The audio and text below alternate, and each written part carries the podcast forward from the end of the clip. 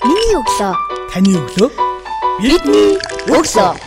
Сонсогч танд өглөөний мэндийг хүргэе. Миний өглөө сурал подкаст ээлж дугаараа танд хүргэж байна. Энэ удаагийн дугаартаа бид Кристина Нобл хүүхдийн сангийн захирал амар жаргалтай ярилцж байна. Танд өглөөний мэнд хүргэе. Баярлаа. Та бүхэнд бас өглөөний мэнд хүргэе. За таны өглөө эрхээ яаж эхэлдэг вэ? За миний өглөө ер нь бол өглөө 5 цагт эхэлдэг тий. Яагаад вэ гэхээр хоёр жоо хүүхэдтэй, нэг нь 10 сартай, нөгөөх нь 2 настай. Тэгээд 10 сартай хүүхд юм сүүлийн үед нойрн жоохон асуудалтай учраас өглөө 5 гэж эхлээд хүүхдээ хүүхдтэйгээ хамт босоод хоолыг нөгөөд тэгэл ер нь амьдрал эхэлнэ тий. Нөгөө том хүүхдэд цэцэрлэгт нь өргөж өгөөд л Өглөө сэрээд хамгийн түрүүнд хийдэг дадал хөвшил ус үйл танд бий юу? Тийм үйлдэл бий бол та сэрээд хамгийн түрүүнд юу хийдэг вэ?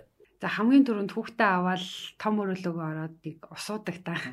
Тийм миний хамгийн хийд ихний хийдэг ажил бол усуугаад тэгээд кофегоо чанаад тэгээ хүүхдээ хооллоод өргөжлүүлээд явдаг гэсэн үг. Өдрийн төлөлтөд та юун дээр хөтэлдэг вэ? Өдрийн төлөвлөлт ихэнх ихэнхдээ бол би дэвтрээ нэлийн одоо хуучин сүгүцэлтэй дэвтэр айгүй олон дэвтэртэй цаас үзгэн дээр нэлээх бичих дуртай. Дээрээс нь дэвтэр дээр бичиж асуудлуудаа одоо төлөвлөгөөгөө бичнэ. Тэгээд юуг эргээд эргээд харахад бас их чухал байдаг учраас одоо хүртэл дэвтэрнээс ер нь бас салж чадахгүй л байгаа. Яг одоо төвлөрч хийж байгаа ажлаасаа бидэнд хаваалцаач бас энэ Кристин Ноблийн хүүхдийн сангийн үйл ажиллагааны талаар бас мэдээллийг өнөөдөр сэрэд бидний сонсож байгаа сонсогчдод хүргвэл ямар үндсэн чиглэлээр үйл ажиллагаа явуулдаг, идэвхжэлтэй үйл ажиллагаа явуулж байна гэх мэтчлэндээ сүүлийн үеийн сонь сайхан мэдээлэлээс авалцаа. За тэгээ бид нар Кристин Ноблийн хүүхдийн сан 1989 онд анх Вьетнам улсад байгуулагдсан. А 1997 онд бол Монгол улсад байгуулагдсан. Бид нар байгуулагдсан цагаасаа хойш бол яг тухайн үед ч юм бол маш нөхцөл байдал 97 онд бол Монгол улсын нөхцөл байдал маш хүндээсэн тий зах зээлийн нийгэмлөө шилжсэн байсан маш олон хүмүүс ажиллах болсон үүнээс үүдэлтэй гэр бүл салалт хүүхдээ одоо хүүхд гудамжинд амьдрах дээрэс нь ялангуяа тараншаанд маш олон хүүхдүүд амьдардаг байсан үед манай сангийн үүсгэн байгуулагч Кристина Нобл гэж юм ихтэй а бас сангийн маань хэдэн ажилтнууд бөөнөр одоо шүн шөнийн клиник гэж ажилладаг байсан. Маш гоё төслөөсөн л та. Тэр бол яадаг байсан бэ гэхээр бид нар жижигхэн автобустай тэрүүгээрээ тариншаа олгоноор ороод шөнө шинжэнгөө ер нь л хүүхдүүдийн одоо эрүүл мэндийн анхаа шатны тусламж үзүүлнэ, хоол хүнс өгнө, хувцас өгдөг ийм ажил хийж явсаар агаад өнөөдөр бол бид нар нийтдээ 11 хөтөлбөртэй тэгээд сартаа бол нэг 4000 гаруй хүүхэд болон тэдний гэр бүлийнхэнд шууд хурж ажилладаг хүүхд хамгаалал, эрүүл мэнд, боловсрал, сэтгэл зүйн чиглэлээр үйл ажиллагаа явуулж байгаа юм.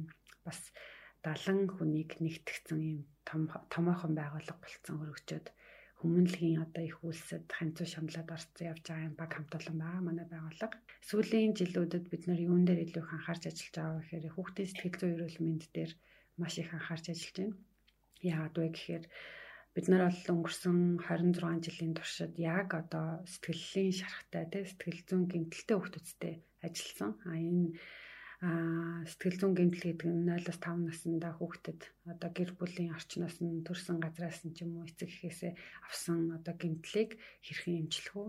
Яа тэр хүүхдүүдийг хэрхэн одоо нийгэмд гараад хариуцлагатай ажил одоо тодорхой хэмжээний ажил хийдэг, нийгэмдээ оролцоотой, идэвхтэй, эерэг ийм иргэнийг бид бий болгох вэ гэж а болох вэ гэдэг зарлага тавиад тэгээд энэ гэмтэлтэй хүүхдүүдтэй ажилтдаг арга зүйгээ бид нар Английн мэрэгжлийн хүүхдийн сэтгэл зүйчтэй хамтарч гаргаад 2015 оноос хойш тэр арга зүйгээр ажиллаад тэр арга зүйгээ эргээд бид нар нийгэмдээ яаж түгээх үү гэд нэг юм төсөл хэрэгжүүлж эхэлсэн байгаа. Тэр маань бол баяртай гэдэг төсөл. Энэ бол урлагийн сэтгэл заслаар заслыг одоо ашиглаад сэтгэл зүйн гэмтэлтэй хүүхдүүдтэй хэрхэн ажиллах вэ гэсэн арга зүй байгаа. Тэгээ бид нар өнгөрсөн 17 8 сарын хугацаанд Монгол улсад үйл ажиллагаа явуулж байгаа 37 Монгол улс даяар үйл ажиллагаа явуулж байгаа 37 хасрамжийн төв төр хамгаалах байрны сэтгэл зүйч нар нийгмийн ажилтнуудыг сургаж өөрсдийнхөө одоо гаргаж ирсэн энэ арга зүйгээрээ дамжуулаад сургаад нийтдээ бол мянган хүүхдэд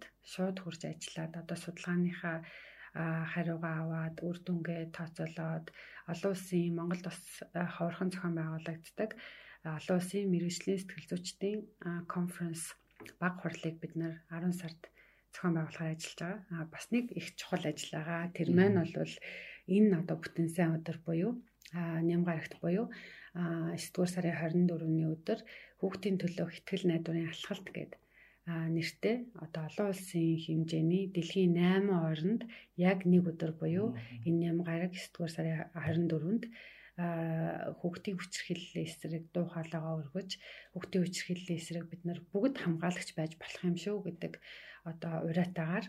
Бид нарын өмнөд энэ жилдээ бол анх удаага physical event буюу одоо гурван төрлийн гүйлтэйг зохион байгуулж байгаа үндэсний цэцэрлэгт хүрээлэн 9 цагаас.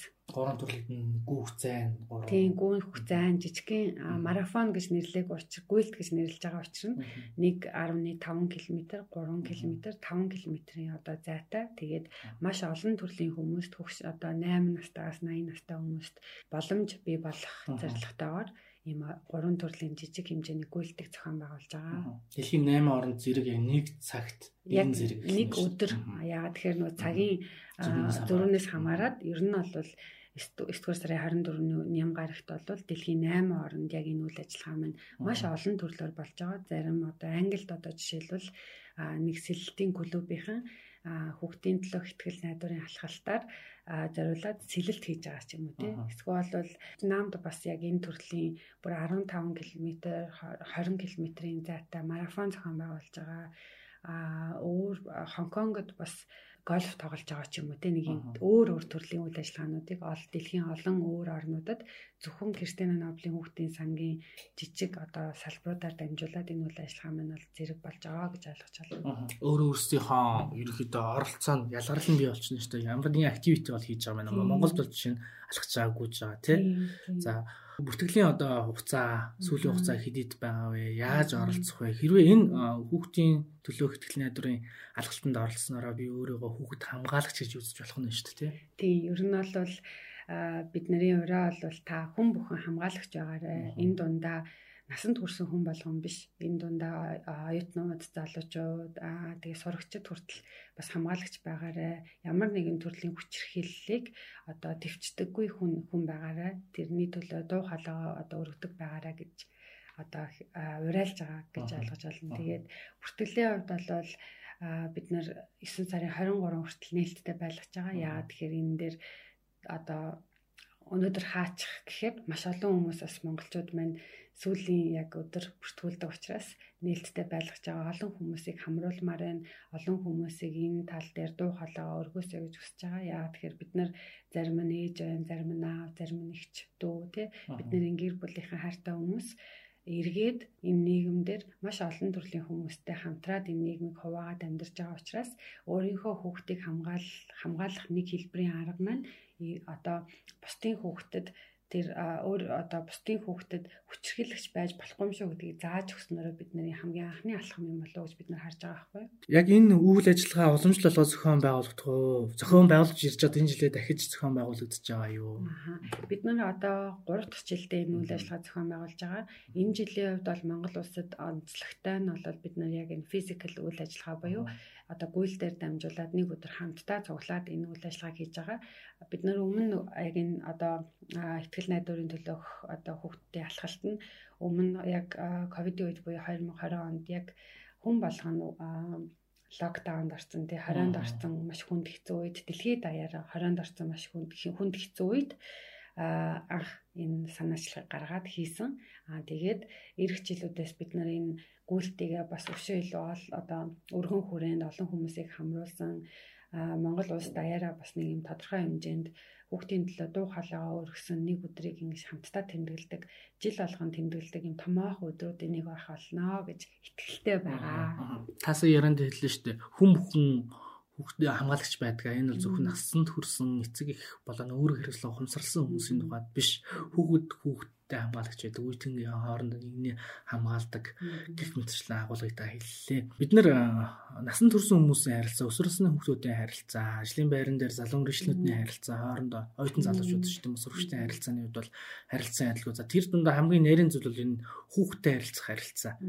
Бүр найравчлах юм бол та бүхний тулж харьцаад сэтгэл зүйн асуудалтай байгаа тийм нэмэгтэйгээ хүмүүстэй тулж харьцахын харилцаа тэр илүү юм мэдрэмж нарийн нюанс шаарддаг байх. Миний өглөө подкастын уламжлалсан асуулт бол хувь хүнд байх хэвээр хамгийн чухал гурван чадрыг нэрлээч гэдэг. Тэгэхээр та энийг би илүү нөө хүүхдийн сангийн захиралтай ярилцж байгаа хувьд хүүхэдтэй харилцахад хамгийн нарийн нюансыг мэдрэмжийг гаргаж болох харилцааны ур чадваруудыг та дүртэж гэж бүр наривчлаад асууч.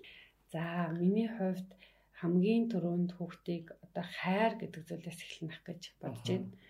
Аа маш гоё асуулт байна л да. Тэгээд би өөрөө ч бас ямар шал одоо шалгууруудыг ямар одоо ур чадваруудтай байх юм болоо гэд өмнө их бодож байгаагүй мэн. Гэхдээ миний хувьд бол бүх зүйл хайраас эхэлдэг. Хүний харилцаа өөрөө бусдыг хайрлахаас эхэлдэг.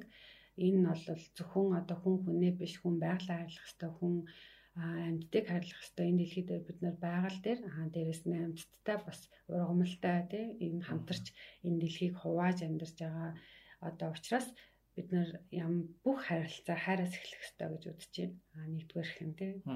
Хоёрдугаарх нь бол хүүхдүүд одоо нас насанд нь одоо тааруулаад өөр өөр төрлийн харилцааны ур чадвар шаардлагатай л да. Гэхдээ миний одоо туршлагаас авч үзэх юм бол хүүхэдтэй тухайн насанд нь очиж яг ижил хэмжээнд очиж харилцах хэрэгтэй болоо гэж бодож байгаа. Энэ дундаа бид нар маш их зөвлөгч яхахыг хичээгээд байдаг. Зөвлөх шаардлага ер нь байхгүй хүүхдийг сонсох ёстой. Маш их яриулах хэрэгтэй. Хүүхэд төр яриан дундаасаа ямар ч насны хүүхэд яриан дундаасаа маш олон зүйлийг олж өөрөө өөрийгөө одоо хөгжүүлэх боломжууд нь байдаг учраас бид нар хүүхэдтэй ижил төвшөнд очиж харилцах нь бас хоёрдугаар чухал одоо харилцааны ур чадвар юм болоо гэж бодож байна. Тэрнээс биш одоо насанд хүрсэн хүмүүс дандаа л чи хувцас ангиж өмсөх хэвээр чи ангийнхантайгаа ингэж харилцах хэвээр гэд маш их хэмжүүрийг тавьдаг хүүхдүүдтэй онц сурах хэвээр гэд гэвч тэр хүүхдийн ертөнц гэдэг чинь бидний одоо бие даасан насанд хүрэхчдийн ертөнц бас нэг тодорхой хэмжээнд байгаа. Хаяа бид нэр ямарн шаналн баярлан уйлан тий. Яг үнтэй адилханаар нөгөө хүүхдүүд маань энэ одоо асар их юм ойлгомжгүй нийгэмд ингээ амьдарч байгаа шүү дээ. Юу болох гээд байгааг нь ойлгохгүй хүмүүс маш их байгаа. Ялангуяа эцэг эхээсээ ингээд хамт амьдардаггүй эцэг их буюу асран хамгаалагчтай хамт амьдардаггүй одоо асрамжийн төвд ч юм уу эсвэл хийж аваасаа хол байгаа хүмүүстэд энэ нь одоо амьдралч айгу тийм ойлгомжгүй байхгүй юу. Энэ харанхуй байгаад байгаа. Тэгвэл энэ харанхуй байдлыг хүүхдүүдээс яаж бид нар гаргах вэ гэхээр илүү их сонсох хэрэгтэй. Ямар мэдрэмжтэй байгааг сонсох хэрэгтэй. Юу хийхийг хүсэж байгааг сонсох хэрэгтэй. Тэрнээс зөвлөх ер нь бол шаардлага баг байдаггүй юм шиг. Миний ингээд нэг 10 жилийн туршлагаас харахад юм байна л да. За 3 дугаар одоо ур чадвар нь юу байвал зөндөөл байна л да. Гэхдээ эхнийх нь хайр байлаа, хоёрдугаарх нь бол ижил төвшөнд очих, сонсох хэрэгтэй. Мадгүй ижил төвшөнд очих гэдэг нь хүүхдүүдээ сонсох бусдын оронд өөрийгөө тавьж сурах хэрэгтэй юм болов. Энэ бол манай байгууллагын бас нэг үнэт зүйл юм байна нэг л дээ одоо ялангуяа хүмүүнлэгийн одоо ажил хийж байгаа манай баг хамт олон нийгмийн салбарт ажиллаж байгаа хүмүүсийн бас нэг онцлог нь бусдын зовлонг өөрөө мэдэрч үзчихэж дараагийн шатндаа бид нар яаж ажиллах вэ те? Яавал энэ хүний одоо энэ зовлон болоод энэ хүний амьдарч байгаа хүнд хэцүү нөхцөлт нь нөхцлөөс нь бид нар хамтдаа гаргаж болох уу гэдгийг бусдын оронд бас өвдөж мэдрэх хэрэгтэй байхгүй тэгэхгүйгээр бид нар энийг ажил гэж хараад өглөө 9 цагт ирээд арай 5 цагт юм уу 6 цагт дуусаад гарч яваад ингээ мартаад явахгүй. Яа тэгэхээр ялангуяа одоо манай асрамж халамжийн төв байна те энд чинь хүүхдүүд амьдарч байгаа хүний амьдрал тэнд явж байна. Тэгэхээр 7 хоногийн 24 цагийн зогсолтгүй үйл ажиллагаа явж байгаа. Зогсолтгүй тэнд хүүхдүүд байгаа учраас бид нар одоо илүү хүүхдүүдийнхээ оронд болоод нийгэмдэр одоо бидний үйлчилж байгаа манай үйлчлүүлэгчд буюу одоо олон нийтийнхээ оронд нь өөрийгөө тавьж үзчихэж энэ хүмүүсийн одоо нөө ажил одоо өөрснийхөө хийж байгаа ажлыг илүү үнцэнтэй болгож хамтдаа энэ хүмүүстэй өсөж дэвжээд хөгжих юм болов гэж харж байна л да. За хүүхдтэй харилцах нюанс ур чадрын талаар гурван маш одоо хэрэгтэй гэж хэлж болохоор өөрөө анзаарсан зөвлөмжөдөө хүргэлээ. Бас би сонсоод бидний сонсож байгаа сонсогчд маань ч сонсоод нэрээ бид нар чинь зөвлөх гээд идэв шүү. Онц сургалт гад идэв шүү. Тэмцээн уралдаанд заавал шагналт байранд оруулах гээд идэв шүү гэдэг бага насны хүүхдээ залуу эцэг эхчүүд бас анхаарч сонссон болов гэж найдаж байна. За дараагийн нэг зүйл нь тасаа ярьлаа шүү дээ нийгмийн бол бүгэлдээ харах байгаа. Бид нар ч гэсэн одоо ингээл өөрсдөө амьдрал дээр гараад ирлээ. А тодорхой хэмжээний ажил эрхлэлээ, орлоготой олчлаа. За ингээд ер нь юмны захад хүрчлээ болчлоо гэж боддгоо шүү дээ. Бид нар бүгдрөө л ахуйтай амьдарч болохоор гинтийн ямар нэгэн мэдхгүй зүйлтэй нүр тулдаг. Тэрнээс айдаг жинхэнэ утгаараас ам ордог, халширдаг тий олон зүйл байдаг. Өөртөө ч итгэхээ болсон болох үед байдаг. Тэгвэл яг хүүхдүүдийн тэр харанхуй олж харахгүй байгаа, таньж мэдэхгүй байгаа энэ нийгмийг гэрэлтүүлэхийн тулд тэдэнд урам зориг хүсэл тэмүүлэл итгэл найдвар бэлгэлэхийн тулд томчууд за хүмүүнлэгийн байгууллагын ажилчид анхаарал тавин ажиллаж байгаа. Тэгэхээр ямар зүйл дээр хүүхдүүд илүү их урам зориг авч өөртөө их итгэлээр сэнэлэгдэж байна. Аа хүүхдэд одоо магтаал бол нэг тийм магтаал бол маш хэрэгтэй. Гэхдээ нөгөө талдаа бас маш хэрэггүй. Энэ дундаа нөгөө ингэж ярьдэн штэ жаахан хүүхдийг босоод алхахаар нь л баяр хүргэе мундаг үү гэл те. Үйлдэл болгон дээр нь бид нар ингээд магтаад байдаг ээж аваад гэвч нөгөө хүүхд маань хүүхдтэй бид нар ямар ийм одоо үр тарьж өгч ийн вэ гэхээр жижиг зүйл болгон дээр бусад хүнээс магтаал сонсож апрувал буюу нөгөө бусад хүнд хүлэн зөвшөөрөх хэрэгцээ хандлагатай болчтой байхгүй. Тэгэхээр тэрэн дээр яг тухайн үйлдэлийг нь бид нар магтах хэрэгтэй хүүхдүүдэд сонсох хэрэгтэй. Энэ нь өөрөө нөгөө өөрснийх нь тэр дуу хоолой юу байгаад байгаа юм. Тэгээд сонсох явцдаа чиглүүлэх асуултуудыг тавьж өгч хүүхдүүдийг өөрийг өөрөөр нь өөрийг нь одоо таниулах тийм өөрөөр нь өөрийг нь одоо дараагийн төлөвлөгөөг юм уу те дараагийн одоо алхмыг нь хийлгэх.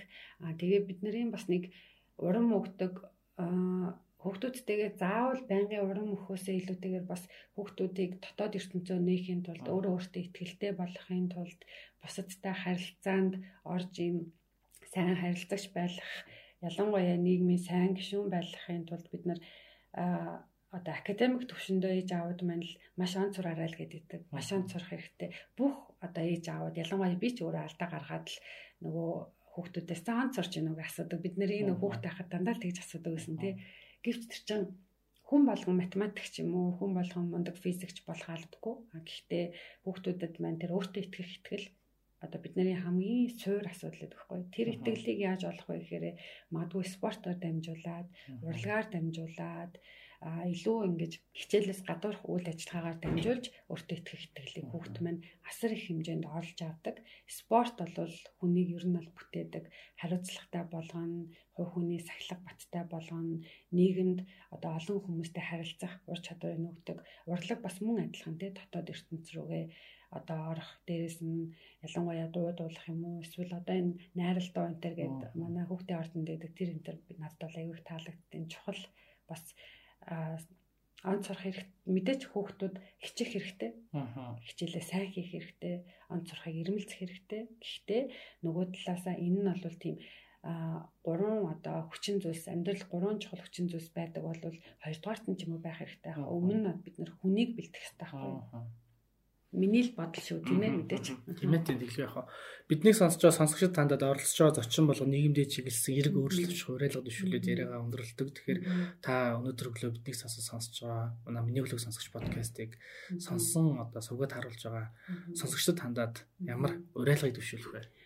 За би нэг саяхан нэг тийм контент үзчихсэн юм а. Тэрэн дээр манай улсад боловсролын ялгаа зааг маш өндөр байна гэж гараад байгаа. Тэгээ энэ бол яахаа аргагүй одоо чадaltaй нэг нь хүүхдүүдэд сайн сургуульд явуулаад бүх хүүхдүүд англиар маш мундаг тий. Эсвэл бол гадны томоохон сайн боловсролыг аваад байгаа. Гэтэл нөгөө уулын ороод амьдарч байгаа юм уу? Эсвэл захын дүүргүүдэд амьдарч байгаа хүүхдүүд маань а одоо багшийн одоо боловсрол хүчний тоо маш бага тий. нийлүүлэлт бага байдаг ийм боловсролын зааг их гараад байна гэдгийг нэг сонсч ирсэн.